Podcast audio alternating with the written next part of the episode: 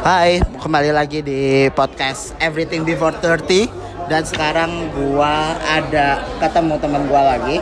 Sebenarnya kita dibilang udah kenal banget kayaknya kita cuman pernah ketemu sekali, ya nggak sih? Betul. Kayak lu ikut pulang sama si Yuni waktu itu. Iya, pulang undangan banget. Iya kan? Itu kan kayak Cuma sekali. kayak first encounter-nya kayaknya cuma pas di situ aja. Betul.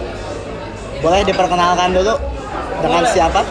Halo semuanya, aku Chen Ace, biasa dipanggil Chen. Aku umur 23, sekarang tinggal di Jakarta. Eh, profesi ya, profesi aku dancer dan desainer. Ya, jadi kayak wawancara. Ah, Oke, dancer, lu dari awal emang maksudnya eh, tipe orang yang oke, gua nanti gede bakal jadi dancer. Atau itu kayak pop up tiba-tiba. Sebetulnya semenjak pindah ke Jakarta. Oh ya? Karena waktu di Bandung kan apa ya profesi dancer kan kayak nggak diperhitungkan gitu loh. Kayak Hmm. orang-orang masih kayak mau makan apa, mau apa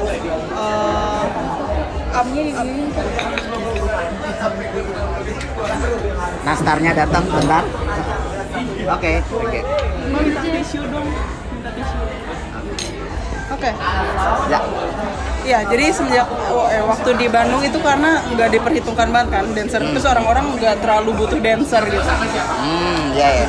Even Pagar Ayu, eh Pagar Ayu kayaknya duit ya? Berayu duit tapi I'm not that kind of dancer. Jadi kayak aku nggak suka perayuan dan segala macam. Karena terlalu Terlalu cantik. cantik.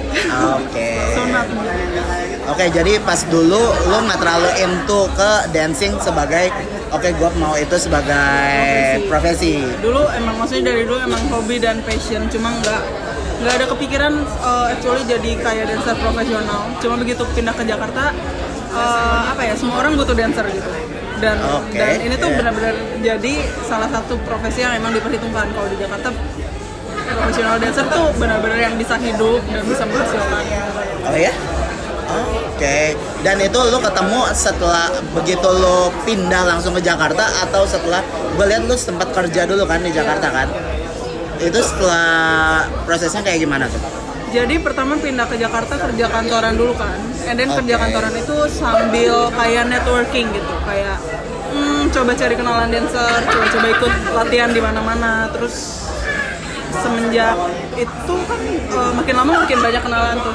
Terus pas begitu resign, ya udah memutuskan udah deh nggak usah kerja lagi sama orang. Dancer. Ah,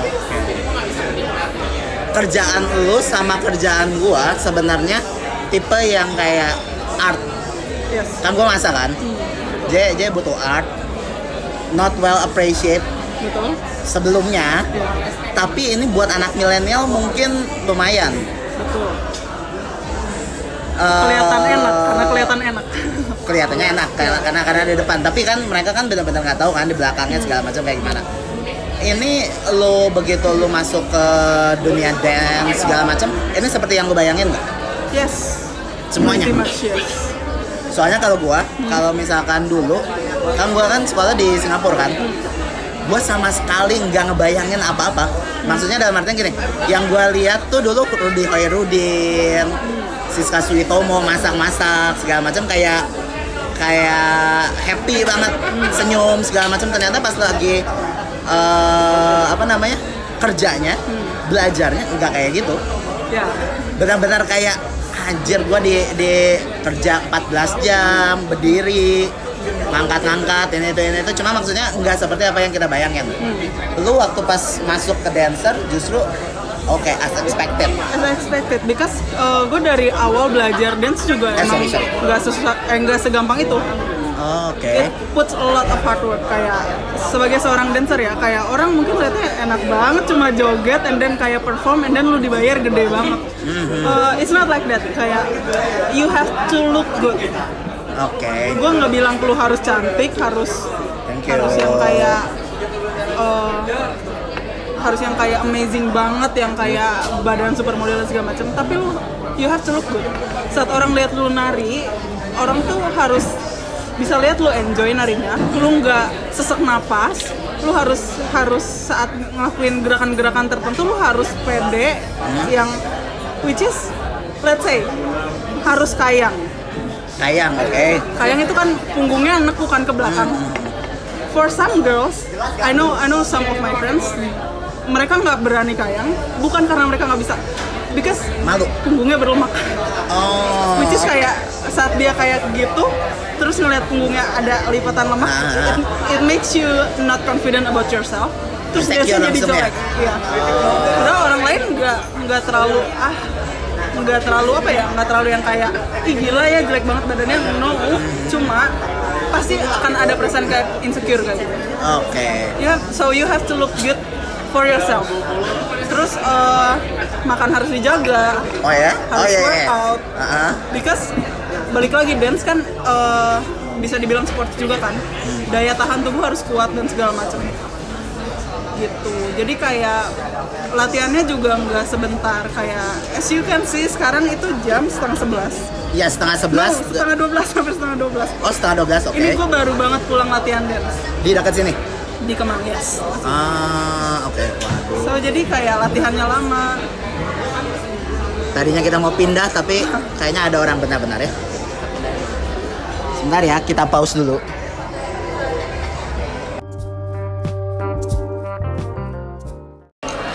Oke, kita lanjut lagi. Jadi kita ini emang udah jam setengah 12 yes Terus tadi gue bilang kalau misalkan kenapa Eh, udah malam Iya. habis latihan Yes. Dan iya maksudnya kayak orang orang melihatnya kayak oh it's so easy to be a dancer karena kayak lu cuma perform 5 menit terus lu dibayar gede. Terus yang kayak oh ya udah lu happy happy aja gitu. Tapi kayak lu nggak lihat latihan di belakangnya. Untuk perform yang 5 menit itu gue harus latihan selama 10 jam. Kalau di 10 jam? Yes. Eh, I mean kalau dalam sehari tiga hari eh tiga jam tiga jam tiga jam it means kayak tiga hari gue harus latihan selama tiga jam tiga jam tiga jam untuk yang perform yang hanya lima menit itu. Oke. That's ya.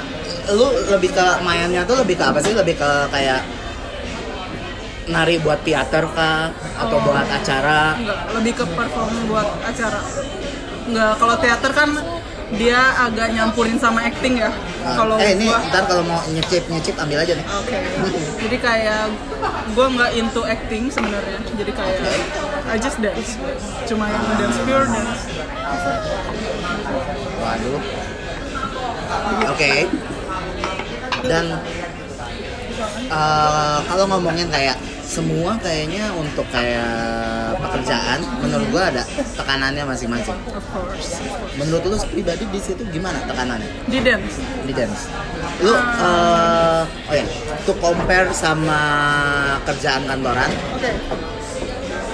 eh, menurut lu gimana pressure lebih pressure yang mana atau sama aja tapi eh, pressure-nya di hal yang berbeda? Jauh banget. Oh, ya? Eh, Karena beda pressure-nya apa ya? Actually kayak di dance itu super pressure karena kerjaan gue banyak, gue harus ketemu banyak orang, harus maintain ini itu dan maksudnya sekarang gue punya manajemen dance sendiri yang lu buat. yang gue buat Oh, Oke. itu sekarang mulai jalan unexpectedly jalannya wow banget jadi kayak padahal kayak gue tidak expect dapat kerjaan sebanyak ini juga dari manajemen gue yang baru banget itu Oke. maksudnya dibandingin sama manajemen lain ini benar-benar really new gitu kayak orang-orang udah percaya segitu besarnya and I'm so grateful for that cuma ya balik lagi di, balik kerjaan itu semua kayak tanggung jawabnya gede banget kan Mhm. Ini base-nya di mana actually? Di Jakarta atau di Bandung? Oh, jadi lu bakal cover tetap untuk eh, kerjaan-kerjaan di Jakarta. Iya, iya. Oke, dan itu udah udah jalan berapa lama? Si manajemen ini it's baru kayak sekitar lima bulan. Oh, lima bulan. Dan turnout-nya it's really good. It's really good. Menurut lu itu kenapa bisa kayak gitu? Kenapa orang bak eh, percaya sama lu? Awalnya hmm, I'm not bragging ya, cuma dari awal gue emang orangnya benar-benar kayak yang let's say ambisius. Jadi when when when I learn something, I have to be an expert. Jadi saat saat pertama-tama Perfeksionis lah ya. Iya, saat pertama-tama ke Jakarta, I learn a lot about dance kayak kayak banyak banget taking class di sini di sana. gue sampai ke luar negeri hanya untuk Oh ya? Iya, ke Singapura. Oke. Ya. Singapura sama ke Malaysia waktu itu. Singapura ke mana? Ke Sota bukan? Eh, enggak. Banyak. Actually kayak kayak ke ya ke banyak studio dance kayak. Oke. ya eh, maksudnya perjuangannya gede dan dan maksudnya gue pengen banget expert nih di dance. Terus kayak eh, ya hard work will not lie to you deh. Kayak Iya. kayak orang-orang bakal orang-orang lihat banget wah gila si Chen tuh niat banget. Kayak udah secapek apa pun dia kalau latihan dance selalu paling on fire selalu semangat selalu yang eh, paling niat intinya kayak gitu. Oke. So so I can see the result and people can see the result. Jadi kayak orang-orang percaya saat mempercayakan suatu performance ke gua. Gitu jadi mereka lebih percaya ke lu duluan setelah itu baru ke tim yang lu buat. yes yes. Because because they know uh, gue bisa bertanggung jawab atas tim gua. Oke. Karena maksudnya di sini kan uh, let's say gue kepalanya jadi kayak I make sure everything uh, ke kontrol I make sure everything goes well. Jadi kayak ya orang-orang percaya karena itu. And then dari dari situ kan mulut ke mulut ya orang-orang. Kayak orang-orang kan pasti nanya eh kemarin lu acara ini dancernya pakai siapa sih? Gitu. Orang-orang kan mulai yang kayak yang minta nomor nomor HP dan Iya, segala macam. iya. oke lu sekarang umur berapa? Sorry. Dua tiga. Dua tiga? Yes. Buat umur nggak tahu ya kalau sekarang ya tapi gua dulu udah kena uh, mid eh quarter life crisis. Hmm. benar-benar pas quarter. 25 25 Oke. sekarang gua 27 oke jadi benar-benar kerasanya tuh kayak anjir gue ini mau ngapain? Hmm. ini mau ngapain? Karena waktu di umur gua 25 itu somehow everything tuh kayak crumbling down. Gua tadinya kan di Aussie Hmm. pindah ke Bandung tadinya planning mau bikin something ternyata gagal. Oh. Jadi everything tuh kayak crumbling down aja kayak kayak rusak gitu. I expect kalau nggak tahu ya ini perkiraan gua aja tapi kayaknya makin makin ke sini makin ke sini quarter life crisis orang tuh bakal makin cepet ya nggak sih yes yes banget lu sempat ngalamin tahap itu Yes. Actually kayak awal tahun kemarin.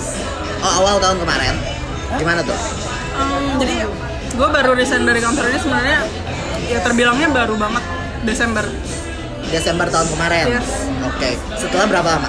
Setahun. Setahun kerja. Oh, setahun. setahun Oke. pas and then kayak I quit. And then mulai deh uh, awalnya gue expect banget hidup gue bakal jalan mulus-mulus aja. Lu uh, mutusin keluar karena merasa udah secure everything atau lu nemu challenge baru lagi because I hate my job. Eh? ya I will hate. Actually kayak gue kena sampai yang depresi banget di kerjaan yang kemarin. And then kayak yes. And then uh, I think it's not good kalau misalnya gue terus lanjutin. And then ya udah. Maksudnya eventually gue tahu gue gak akan kerja sama orang either kayak gue bikin bisnis atau as a freelancer kayak gitu. Jadi so ya udahlah mau nunggu apa lagi? Setahun and then I quit itu karena men- menurut lu karena pressure-nya kan yang bikin Yes. lu kayak mental breakdown Yes. Hmm, actually kayak 40% dari pressure dari sekitar gua dan 60% dari diri sendiri. Gitu. Because ya um, maksudnya gue menyadari banget ini semua um, ada banyak banget pengaruh dari diri sendiri karena seperti yang gue bilang tadi awalnya kayak gue. Ya gue ambisius banget Iya, iya, dan iya. perfectionist and yeah I put so much burden on myself. Kayak kayak gue taruh banyak banget goals yang kalau misalnya gue nggak bisa gapai itu gue akan blame diri sendiri gitu. Oh, jadi kayak pressure ada dari orang-orang ya 40% lah but 60% dari diri sendiri datangnya hmm. itu karena kenapa menurut lu karena lu pernah gagal pak Um, no, actually kayak gini. Uh, Oke, kalau misalnya ini orang-orang denger kayaknya gue sombong banget, tapi no, uh, actually kayak I know myself, I know my worth. Kayak gue tahu banget gue bisanya apa, kelebihan gue dan segala macam. And then kayak di kantor kemarin itu, um, I expect I can use all of my skills and talents. oke Terus, ini ini uh, ngerjain apa sih Oh, oh ya gue as a marketing. marketing oke ya turns out gue tuh nggak bisa jadi kayak marketingnya benar-benar because kantor gue itu udah punya kayak sistem yang. Paten, Ya, oke. udah paten and then kayak I cannot bring my creativity out Hmm. and then kayak akhirnya gue hanya ikutin arus Jadi bukannya gua- ketika lu umur muda mengikuti arus itu oke No, for me no. Because Oh, I have okay. high expectation dan gue punya standar yang tinggi banget atas segalanya. oke Jadi gue gue mau mau banget otak gue dipakai, gue mau explore yang ya explore yang gue bisa lakukan dan segala macam. Sedangkan di sana gue gue merasa gue cuma jadi robot yang harus ngikutin SOP dan segala macam. And it stress me a lot. Dan di di beberapa waktu kayak gue ngantor tapi gue nggak ngapa-ngapain itu tuh it stress me out. Kayak Ka- kayak kayak lu nggak berguna Yes, terus kayak gue emang orangnya workaholic. Oke. So so I cannot stand one day without doing anything productive. Tapi di sana kayak ada ada bisa dua hari tiga hari gue ngantor tapi gue nggak ngapa-ngapain. tapi emang sebenarnya nggak apa-apa juga Emang nggak apa-apa, emang nggak ada kerjaan dan kerjaan gue udah beres karena gue lo kerja cepet iya gue kerja cepat. Gue nggak mau karena gue single tasking ya jadi kayak I do everything quickly biar nggak ada yang lupa gitu. Iya jadi kayak gue nggak nggak merasa skill gue kepake, gue ngerasa talent gue kepake, and it stress me a lot. Padahal buat buat orang kayaknya enak deh kerjanya kok santai gitu nggak lembur-lembur segala macam. sampai titik mana lu stres Sampai titik mana gue stres? Oh sulit dijelaskan. Uh, jadi kayak I have depression before, I have I've been through that. Terus kayak gue nggak nyangka ini akan kambuh lagi. Oh, Oke. Jadi sebelumnya lu pernah punya depression. Oke. Terus pas lagi lu kerja, somehow it itu kena lagi and then keluar and then kena lagi dan semuanya it's all because different problems sih Oke. Kalau ngomong kita ngomongin soal depression ya. Yes, yes. Kalau kita ngomong soal depression tuh ya berapa kali orang yang eh gua tertarik bikin podcast juga karena gue sering ngeliat nonton podcast bla bla bla bla, dan kayaknya di tahun ini orang lumayan banyak yang depression. Kayak kayak semua topiknya tuh kayak lagi depresi depresi depresi segala macam Em, rata-rata mereka karena apa namanya karena mereka nggak ada sesuatu yang mereka belum berdamai Yes. sama mereka ya.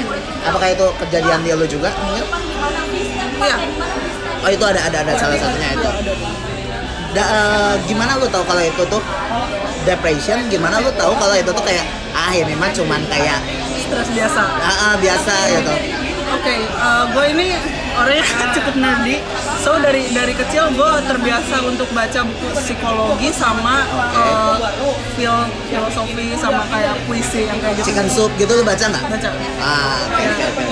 And then kayak uh, I've known kayak untuk tahu istilah-istilah yang kayak depresi and then kayak quarter life crisis terus kayak yang uh, mental illness dan sebagainya sebetulnya gue nggak terlalu asing karena gue Oke. banyak baca di buku.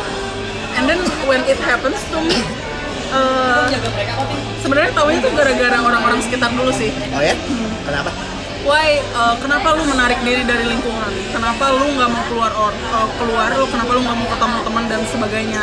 Lu ke mana sih? Uh, kok lu hilang sih Chen dan segala macam? Tapi lu bisa dikontak sebenarnya? Bisa dikontak. Oke. cuma gue nggak mau ketemu orang. Oke.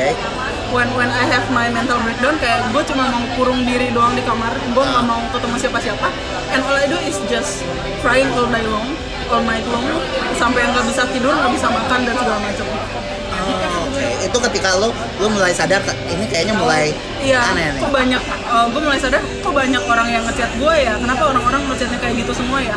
And then, uh, ya for somehow gue kok kayak keinget gitu, oh I have read this before gitu. Oh, It's the same symptom yang terjadi sama gue sama apa yang pernah gue baca tentang orang yang kena depresi. oke berapa eh, banyak orang tuh yang kayak depresi tapi malu. Yes. menurut lu kenapa tuh? Karena orang-orang masih belum berpikir itu apa ya itu lumrah ya. Kayak maksudnya kayak when saat lu kena penyakit mental orang nggak bisa lihat.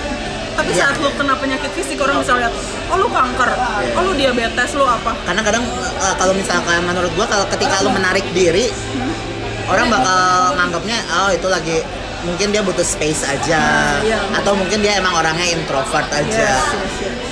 menurut lu ketika eh, apa namanya ketika depression itu datang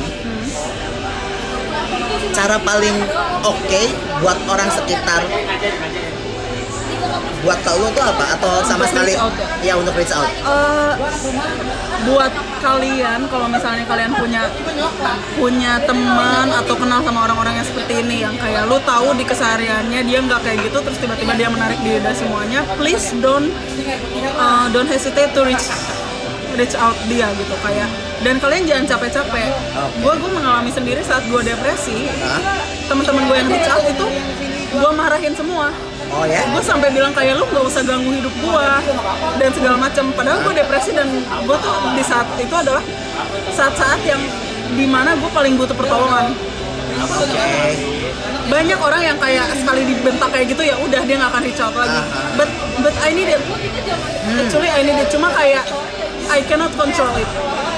It just come out from my mind or from my mouth.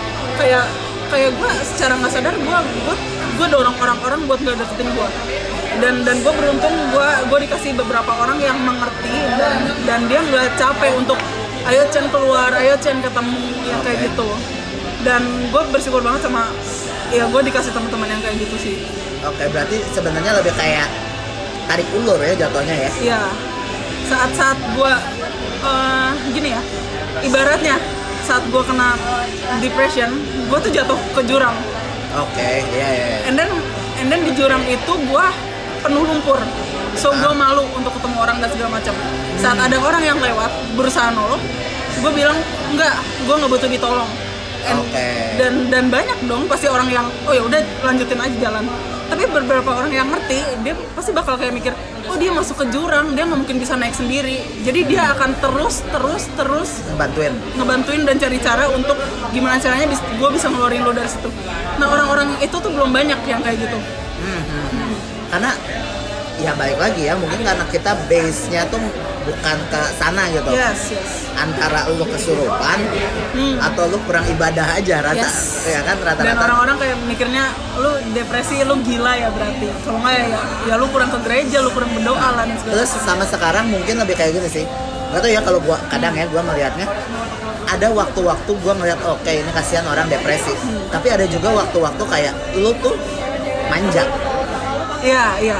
Karena karena mungkin ngelihat ada ya bisa dibilang kayak oknum kali ya maksudnya ada yang manja dikit udah kayak nyerah apa segala macam segala macam tapi eh, kalau dari kasus lu ini kan kayak kayak udah beberapa kali kejadian Yes.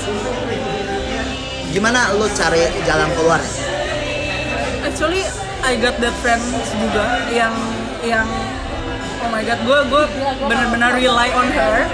Cuma dia ternyata di belakang gue anggapnya gue manja, gue butuh perhatian doang. And then it, it breaks my heart a lot sampai yang kayak gue udah nggak mau cerita banget sama dia, kayak gue sekecewa itu. Um, apa ya? Cara gue untuk ya saat gue dapat teman-teman yang kayak gitu yang anggap manja dan segala macem actually susah ya karena itu nggak bisa dari gua harus dari dia karena ibaratnya dia adalah si penolong. Kalau Oke. saat dia refuse untuk menolong ya udah. Oke. yang yang gua ini yang kayak anggaplah gua sebagai yang korban kecelakaan ini ya gue nggak bisa apa-apa dong. Orang-orang iya. kayak ya anggap aja kayak gue ketabrak mobil and then gue pingsan ya gue nggak bisa apa-apa kalau orang Iya, nggak mau nolong gue itu harus it it must comes from from them. Outside lah. Iya. oke.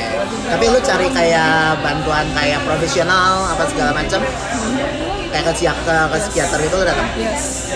And really help it's really help benar Oh, oke biasanya mereka bakal kayak gimana sih? Eh, ini kayak prosedur konselingnya ya? Ah, jadi ketika ini anggaplah kita benar-benar kayak orang yang nggak tahu ya. Jadi dia maksudnya siapa tahu buat yang nggak dengar mereka nggak nggak sampai setakut itu atau semalu itu ke psikiater. First of all, aku cuma mau ngasih tahu uh, whether kalian punya mental illness atau enggak, when you need someone to talk to dan dan kalian pikir kayak keluarga atau teman kalian gak ada yang bisa ngertiin, itu akan bagus banget kalian ngomong ke psikolog. Aku nggak bilang kayak kalian punya mental illness ya, Ya, itu ya. karena karena banyak juga orang yang nggak punya mental illness, Tapi tapi, dia cuma ngomong. cuma butuh solusi, dia tetap ke psikolog. Oke. Because karena mereka bisa kasih apa ya solusi yang yang emang masuk akal dan ya mungkin lu nggak pernah dengar itu dari orang lain tapi mereka bisa kasih itu Oke. jadi untuk eh, proses konseling sendiri you make Pertama nih, pertama lu kan lu cari-cari dulu nih. ya Cari-cari dulu. Eh, gimana akhirnya lu nentuin ke si A misalkan? Hmm, actually kalau pas awal-awal itu karena gua gua telepon banyak banget dan yang sesuai sama jadwal gua adalah dokter yang ini. Oke, Yang ini di kita kita ngomong di Jakarta ya. Yes. Oke. Ya udah, say, and then kayak gua gua datang akhirnya ke dia. First of all kayak dia nggak dia nggak langsung yang kasih pertanyaan-pertanyaan sulit yang kita nggak bisa jawab. Ini bener-bener kayak curhat sama temen. Oh ya? Pertama lu datang ke dia, ya pertama kenalan dulu, hai saya Chan. tapi lu pas lagi duduk-duduk nunggu segala macem. gue udah sa- saking hopelessnya gue cuma kayak just please help me gitu just please help me get through this gue nggak ada nggak ada nggak ada momen awkward dulu dan segala macam karena gue udah sedesperate itu Karena kan mungkin nggak tahu ya kalau di bayangan gue ya, Hah. lu datang, lu nunggu dulu di kursi di luar, lu kayak dak dikduk ini gue ngapain segala gigi ya? Ah, ah. Lu sempet kayak gitu? Nggak. Oh nggak, langsung. Oke, kita langsung masuk. then kayak dia ya perkenalan singkat dulu and then hal pertama yang dia akan nanya adalah what are you feeling Oke. dia akan nanya saat ini lu lagi merasa apa Hmm. Are you angry? Are you sad? Are you happy? Nah. dia akan nanya itu. Saat even waktu itu gue nggak bisa menjelaskan gue perasaan gue apa. Gue cuma bilang gue kosong. Gue kayak gue merasa nggak hidup. Gue merasa kayak badan gue ada di sini tapi nyawa gue somewhere else. And then dia mulai mm, kayak menjabarkan pakai pertanyaan-pertanyaan kecil. Oke kalau gitu boleh tahu nggak kenapa eh, dari kapan mulai ada perasaan ini? And then kayak gara-gara apa? Ingat nggak? Gara-garanya bukan dia nanya yang masa lalunya dan segala macam tapi kayak apa yang nge-trigger ini? Oke. gitu. Jadi kayak kayak kalau misalnya orang ada yang punya trauma misalnya dia dulu trauma pernah dipukulin orang. Atau Dan- pernah dimoles orang kali ya? then kayak sekalinya dia mungkin lagi olahraga terus kepukul sama orang dia bisa kayak depres Ingat. ya langsung ingat. Ya berarti triggernya adalah pukulan itu. And then kayak eh, dia nanya nanya nanya pertanyaan itu benar-benar kecil dan enteng so you don't have to worry because Oke. because you can answer that kayak semuanya lu pasti bisa jawab gitu Eh ini by the way umurnya jauh nggak sih? psikolog yang gue datangin Ah, eh, enggak dia umur psikolog pertama yang gue datengin dia umur 29 oh, oh seumuran gua dong mirip-mirip ya. Yes. Dan dia cara nyampeinnya segala macam enak. enak. Oke. karena eh, ya dia dia maksudnya you know saat saat lu ke dokter bedah jantung bedah apa ya dan segala macam dokternya udah tua dan kaku biasanya Iya, iya, iya. benar Ah. and that's why saat kita mikirin psikologi atau psikiater kita akan mikir kayak gitu aduh awkward banget cerita sama Ah. Iya, iya. sama tante-tante kayak gitu. apalagi kan lu nggak kenal juga kan? Yes, tapi dia psikolog atau psikiater yang gue datengin tuh banyak banget dan dari range semua umur ada name it yang paling muda 29 tahun ke yang ke yang umur 60 70 tahun juga gue pernah. Dan semua psikologi dan psikiater bisa ngomong dengan santai dengan pendekatan yang sesuai. Jadi dia nggak akan jadi lu nggak akan merasa lagi ngomong sama tante lu atau sama nenek lu. Semuanya rasanya sama kayak ngomong sama temen. Dan mereka mereka punya I don't know mereka punya teknik sendiri dan itu yang bikin kayak kita ngerasa secure dan kita ngerasa kayak kita emang bersahabat sama dia Setelah karena dari pertanyaan-pertanyaan yang kecil yang dia kasih. Yes, yes, Oke. yes. Berarti itu dia bakal ngasih pertanyaan apa yang menjadi simptom lo atau penyebabnya. penyebabnya dulu Oke. Terus habis itu dia bakal Ya, terus jadi abis uh, itu dikasih baru pertanyaan tentang simptom kayak misalkan uh, kamu susah tidur nggak tiga minggu ini, kamu susah makan nggak tiga minggu ini dan segala macam, and then kayak dia bisa diagnose lu kenapa, and then ya baru uh, banyak ya pendekatan psikologi itu salah satunya aku jabarin aja yang paling aku suka adalah dengan menggambar. enam gambar. Yes, Oke. jadi kayak jangan jangan takut banget deh ini sumpah kayak gue awalnya berpikir ini bakal jadi sesi yang super serius tapi kayak Fun. begitu di sana kayak I can I can put everything di gambar itu gitu dia kasih gue kertas yang besar dia kasih gue spidol warna-warni. Terserah lu mau pilih lu itu warna apa dan segala macam. Sekarang coba diurutin dari tahun lu lahir sampai tahun ini. Kejadian apa aja yang paling lo ingat? Either itu senang atau sedih. And then kayak I start drawing kayak misalkan gue 2001 gue jual uh, gue pertama kali kenaikan kelas di SD then gue juara itu itu memori banget sampai sekarang Yeah, and then ada waktu SMA gue mulai de- mulai kena depresi gue mulai kena anoreksia waktu SMA Anoreksia tuh susah tidur ya? Eh, ah? gue muntahin semua makanan gue Oh, eh, oh anoreksia tuh yang jadi pengen kurus ya? Oke. ah, ah, ah. Ya pokoknya semua pengalaman yang paling inget deh mau itu senang mau itu sedih. Hah? and then mulai dijabarkan and then mulai coba boleh nggak ceritain cerita itu? Tak eh, perjalanan hidup lu pokoknya. Dan dia nggak maksa. Kalau misalnya ada beberapa kejadian yang menurut gua gua nggak nyaman untuk nggak mau cerita dia nggak akan maksa ceritain dong. Dia cuma nih dari semua kejadian yang udah lu gambarin ini mana yang bisa lu ceritain ke gua? Coba ceritain ke gua. Gitu. Jadi everything is so easy untuk cerita sama psikolog atau psikiater. Mereka bisa bawain itu dan dan I, I just don't know why why people scared of them. Kayak because it is fun actually fun. Ini kayak lu curhat dan dan gini ya saat lu lu lu nggak bisa figure out lu kenapa dan pikiran lu kayak benang kusut dan segala macam mereka tuh pretelin satu-satu sehingga benang itu kelihatan jelas dan dan dan kita kita ngerti kita kenapa gitu Oke, oke, oke. Base dari lo experience itu berapa kali terapinya? Atau kayak sekali one time go? Beres? Uh, in my in my case Hah? cukup parah sampai gue harus yang selama tiga bulan gue tiap minggu Uh, every day enggak, every week. tiap minggu Oh, setiap minggu. Oke, jadi di dalam tiap minggu itu lo ketemu ngobrol. ya progresnya gimana di B B Oke. tapi tapi ini kalian jangan takut ya kayak maksudnya karena waktu itu kondisi gue udah super parah sampai ya parah banget kalau Gua, gua, misalnya gua, gua ada dengar sih nih. Kan gue suka nonton ada acara di YouTube ngobam. Jadi ya dia ada ada wawancara Ardito Pramono, lo tau gak? oh tahu dia juga kan mental illness juga Iya. kayak kayak dia kalau dia sih sampai pengen kayak bunuh diri segala macam I did oh juga sempat That's why gue gue bilang yang gue itu parah banget. Jadi kalian jangan takut kayak gue ya. Misalkan kayak mungkin kalian stres atau depresi, kalian cobain aja dulu karena karena bisa aja yang kalian alamin itu stres nggak sampai depresi. Kalau saat lu stres, lu sekali konsul udah bisa Oke. clean gitu. Ah, ah. Saat lu depres, mungkin lu butuh dua kali atau tiga kali.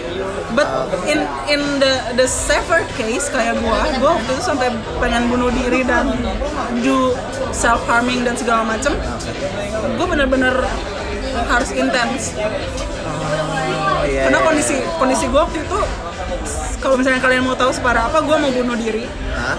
Gue mau nyakitin diri sendiri. Pokoknya kalau kalau gue melakukan jadi kesalahan. imo imo anak-anak imo gitu ya? Uh, no cutting.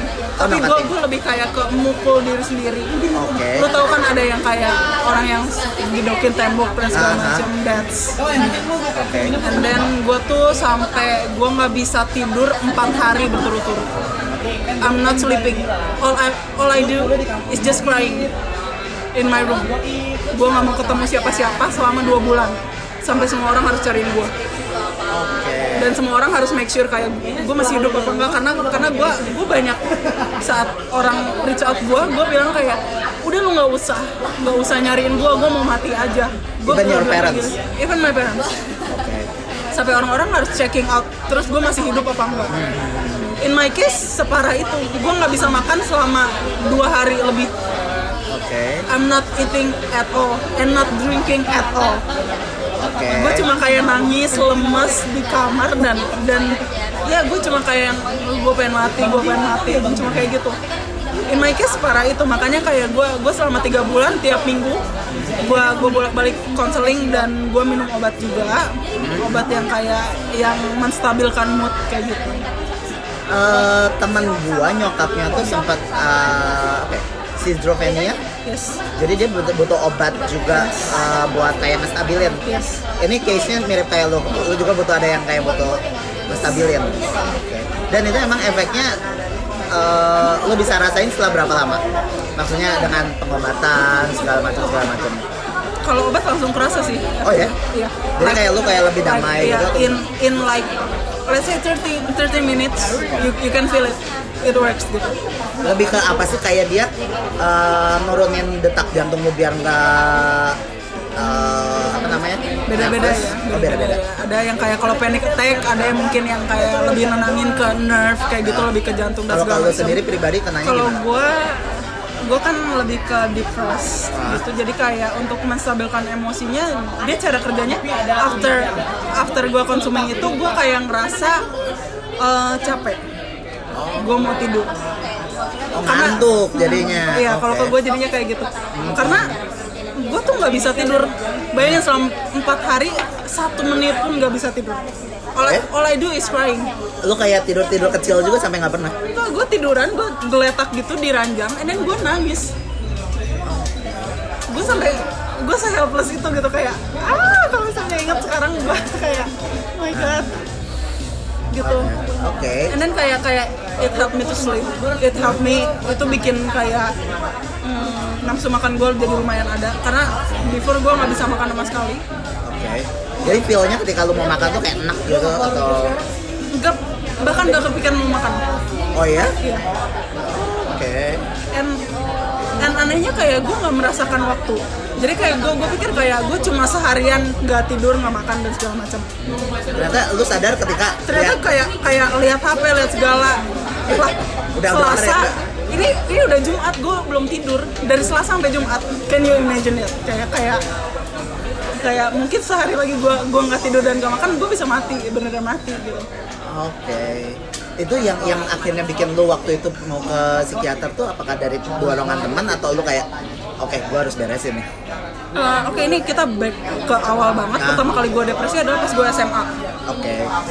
Eh, waktu pertama kali depresi itu yang kayak karena teman-teman gue mulai mulai khawatir karena gue makin lama makin kurus and then kayak gue selalu muntahin makanan gue and then kayak gue nggak mau ketemu siapa-siapa dan gue selalu selalu mengeluh kayak pertama kan gue depresi eh, yang kena anoreksia itu kan jadi kayak gue selalu merasa diri gue jelek dan gendut dan itu mengkhawatirkan buat orang-orang. And then kayak gue coba untuk pergi ke salah satu kenalan gue jadi kayak hmm, dia temennya temen gue sebenarnya.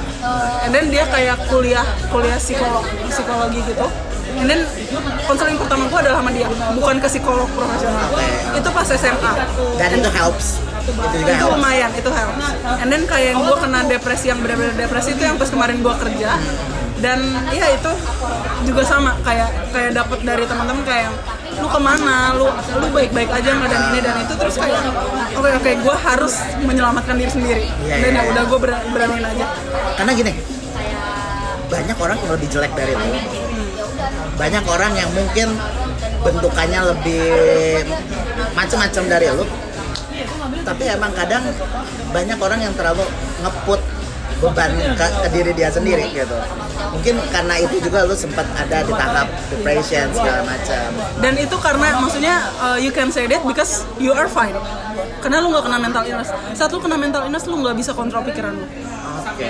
all you can think is kayak lu adalah orang terjelek di dunia nggak nggak peduli lu mau pakai make up berapa tebal nggak peduli lu mau baju lu berapa bagus.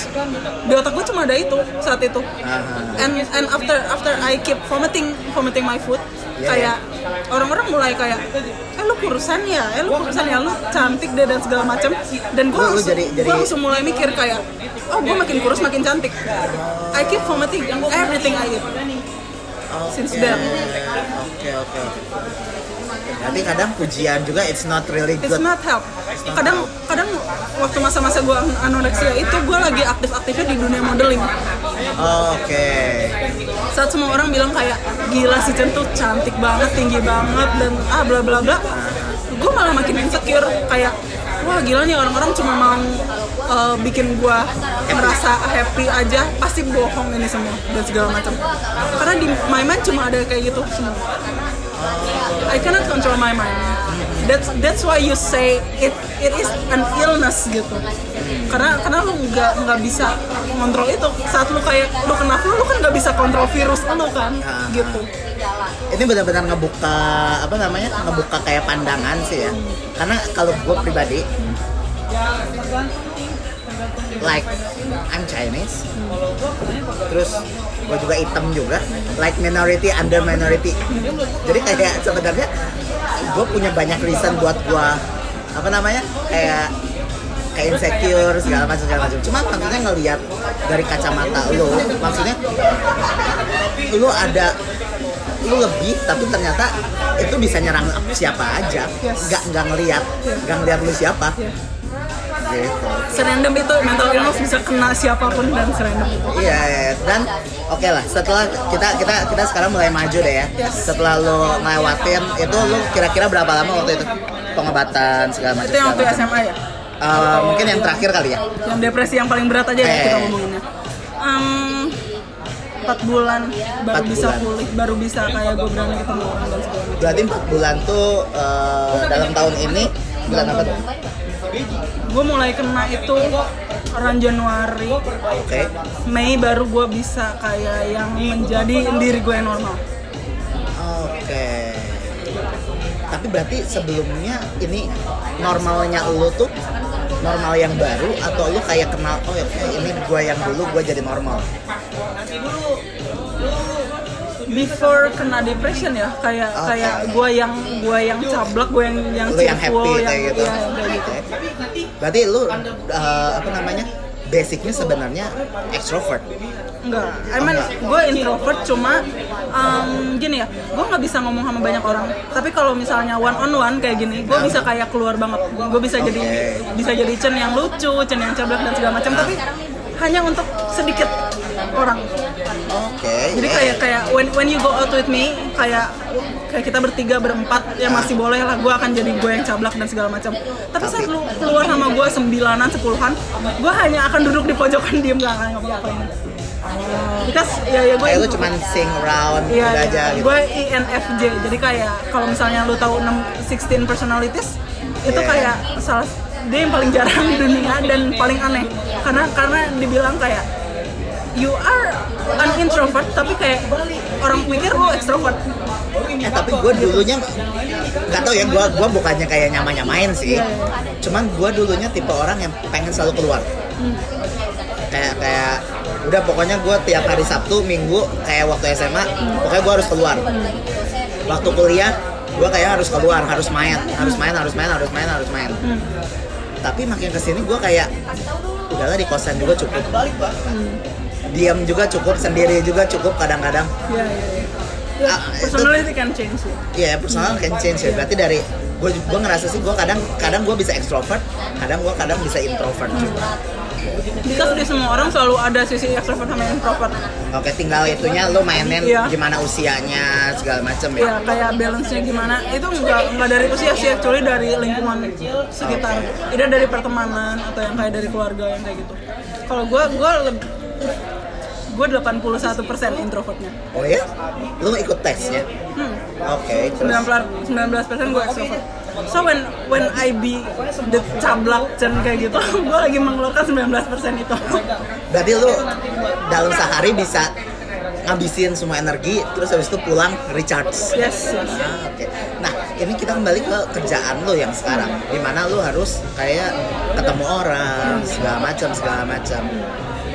After lo beres dengan treatment segala macam, you feel uh, back to normal again. The first thing you do buat kerjaan lo ngapain? Apakah lo mulai approach orang, atau lo lebih kayak, oke, ngomongin kerjaan, oke, gua nge-show diri gua dulu, sambil gua share ke sosial media segala macam atau gimana? Cara lo kembali lagi ke, I start to reveal myself by Instagram. oke, Gue mulai yang kayak cerewet di Instagram, mulai kayak upload story, mulai upload jokes yang receh-receh. Gue mulai kayak yang kalau di Instagram kan ada yang ask me a question kayak gitu. Gue mulai Iya, iya, mulai bener. pakai fitur itu sering-sering untuk kayak ngajak ngobrol ke orang-orang. Gitu. I start reveal myself sih mulai dari sosial media dulu, and then kayak orang-orang kan mulai eh udah lama deh nggak ketemu lu, ketemu yuk, ngapain yuk apa baru somehow itu bikin kayak lo penerimaan lagi ya, buat kayak ngebuka pintu buat lo kembali normal lagi segala macam.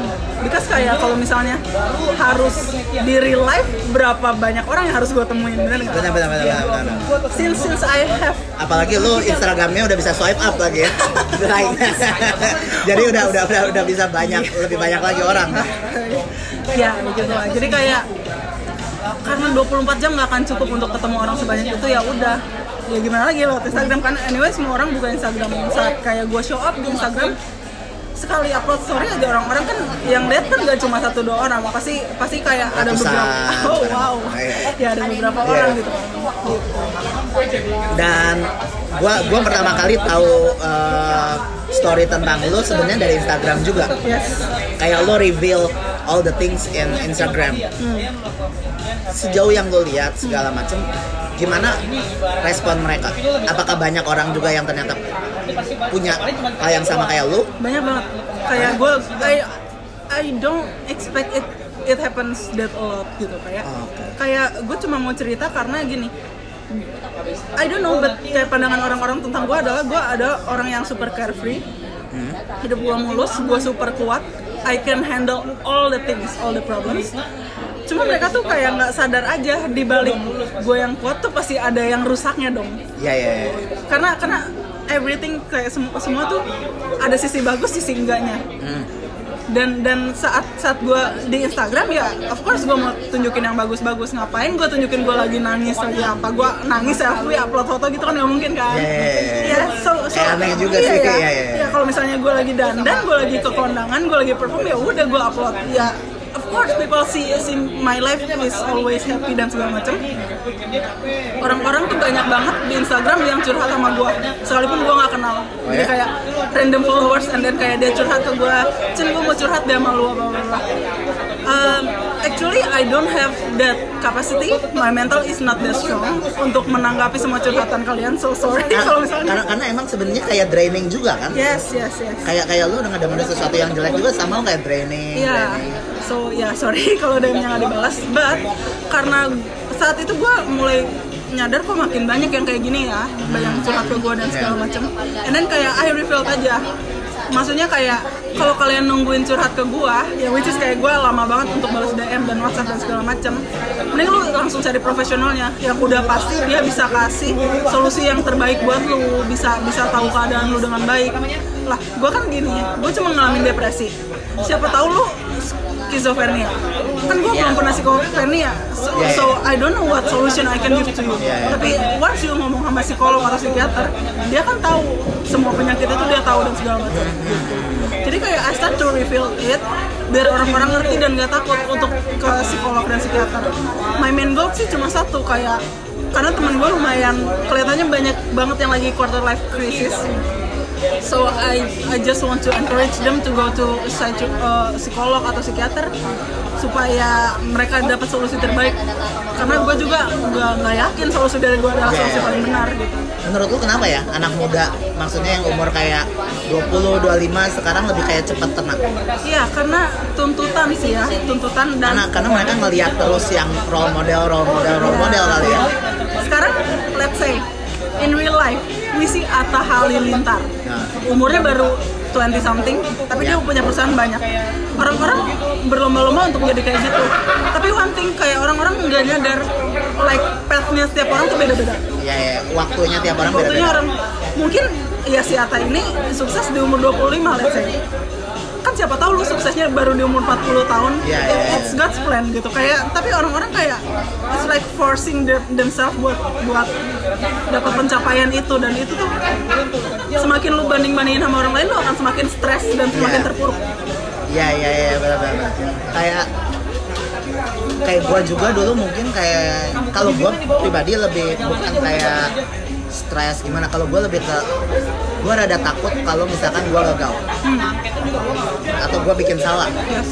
karena gue sempet kayak ada kata-kata dari guru gua waktu pas gua masuk masak lu nggak pernah bisa jadi chef itu lumayan ngebekas jadi kayak setelahnya gue lebih yang gue lihat ya pet gue tuh ada yang tiba-tiba keluar tempat kerja apa segala macam tapi setelah gue lihat sekarang gue lebih kayak gue takut kalau misalkan gue dikiranya jelek dalam skill. Dia makanya gue rada rada rada eh, apa ya kayak di eh, lari dari kenyataan. Karena gue kayak takut gagal. Begitu udah mau ada kegagalan gue langsung lari. Kalau gue dulu kayak gitu. Kalau lu sendiri setelah lu ngelewatin semua the biggest fear yang lu punya tuh lu lebih ke apa sih? Apakah lu takut gagal kah? Atau lu lebih ke takut nggak bisa nge-please semua orang? Gue sih lebih ke acceptance sih. Acceptance. Actually kayak lebih ke self acceptance oke. Kayak you know when when you have a good friend kayak dia akan ada buat lo saat suka dan duka betul. Dan tapi untuk diri lu sendiri menerima kondisi lu saat lu lagi jelek-jeleknya it's not that easy. Saat gini-gini. Gampangnya adalah anggap aja lu punya teman lu temenan baik nih sama dia lu udah udah sahabatan nih dari kecil. And then dia dia bikin toko kue. Then toko kuenya bangkrut. Lu akan masih temenan sama dia karena karena kalian udah temenan dari kecil dan kayak dia dia bangkrut tapi dia nggak jadi orang jahat. And you know that. Iya, iya, that's iya. why that's why lu masih berteman sama dia. Tapi untuk diri sendiri anggap aja lu lu yang punya toko kue terus lu bangkrut. Lu bakal bakal ngerasa wah dunia runtuh. Wah gua nggak benar. Wah gua nggak nggak bisa ngerjain bisnis dan segala macam. And it makes makes self acceptance so hard gitu kar- karena ditambah lagi gue orangnya perfeksionis. Saat-saat gue nggak bisa nggak bisa uh, accomplish goal gue dengan perfect dengan semau gue kayak gue akan akan kayak benci gitu loh sama diri sendiri. Uh, dan setelah oke setelah kita lo beres dengan hal-hal yang lo apa namanya treatment segala macam lo find this dance thing really apa ya kayak jalan keluar lo akhirnya? Atau tempat lo mencurahkan semua sekarang? Dance? Iya, salah satu penyaluran kayak kayak perasaan dan segala macam lewat dance. Actually because I I have dance for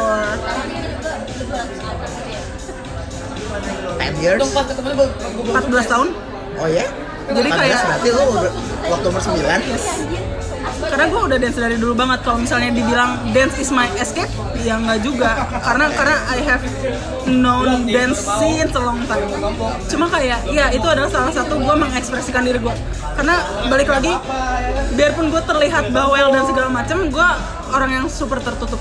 Gue cuma bisa curhat sama ya paling kayak tiga or empat orang di dunia ini. Gitu circle lo kecil lah circle gue super kecil that's why jadi kayak saat gue gue merasa gue harus mengeluarkan perasaan gue tanpa dengan kata-kata ya gue keluarkan dengan gerakan Ah, ya. Tapi itu mungkin salah satu yang menurut gua it's really good for people yang emang kerjaannya di art. yes Kayak gua kerjanya di art, lu di art. Jadi kadang kita nge-ekspresiinnya yang kayak eh, nggak perlu harus ngomong gitu. iya iya Dan somehow di art itu acceptance tuh kerasa loh. yes you can be whoever you are whatever you are Uh, betul Dan itu somehow lumayan uh, kalau ke gue pribadi, ketika ada orang yang ya ada orang yang kritik segala macam sih. Cuma ketika ada orang yang kayak suka makanan, hey it's really good, it's really uh, apa namanya? Gue ke sini berkali-kali makan makanan lu segala macam. Somehow kita feel acceptance sih, iya iya you feel loved by by by that kind of words komplimen kan. yes Jadi sebenarnya uh, komplimen dari your works. iya iya betul betul betul So kalau sekarang gimana lu ngelihat hidup lu?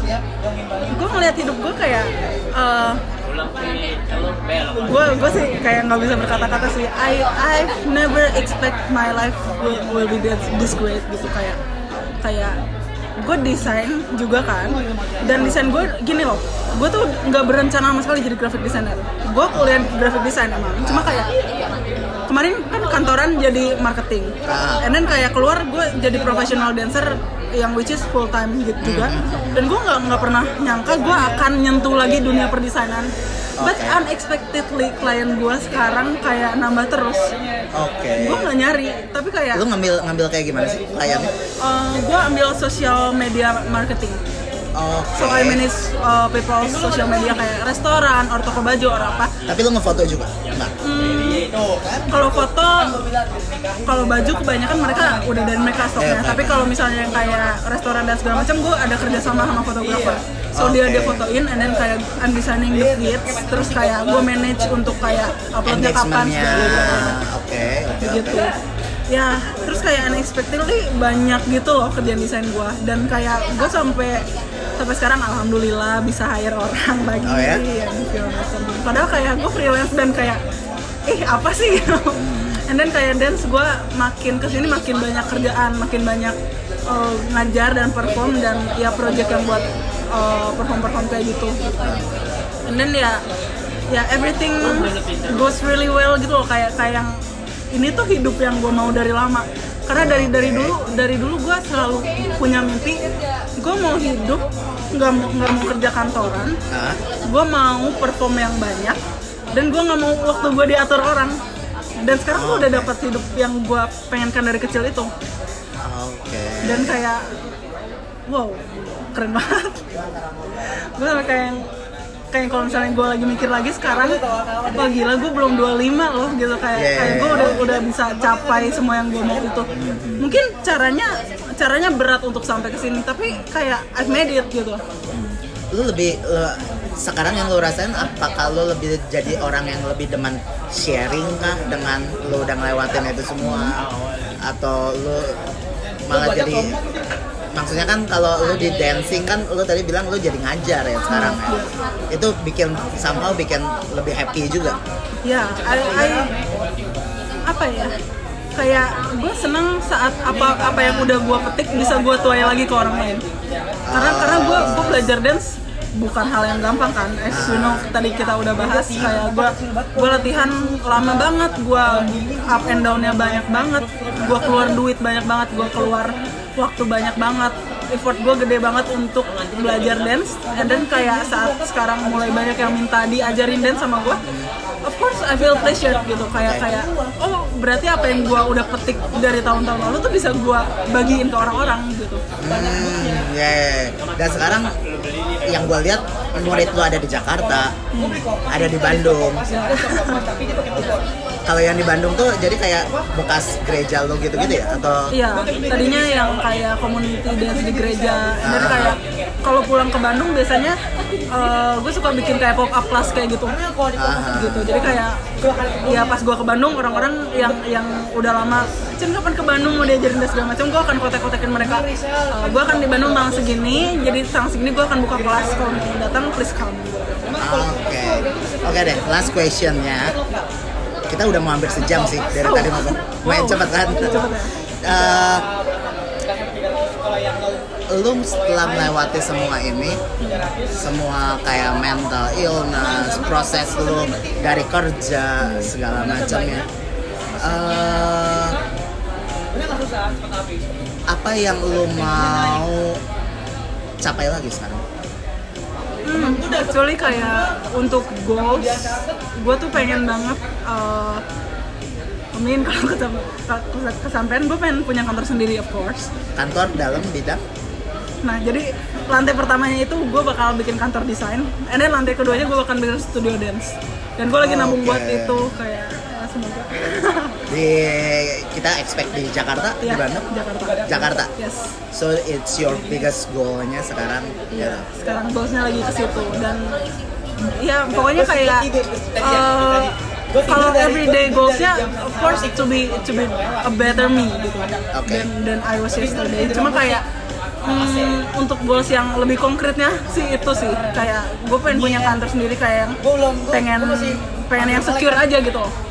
Intinya lu pengen nge-reach lebih banyak orang aja. Yes. dengan dengan apa namanya dengan impact yang lu bisa kasih. Yes. it's really a good talk. Ya thank you. Udah sekarang jam berapa ya? Sekarang udah jam 12 men. Lu abis ini langsung eh lu tadi di mana? Di Sleepy ya. Oke, jadi eh, itu aja obrolannya. Thank you udah datang malam-malam. So, uh, we'll see on next episode. Bye.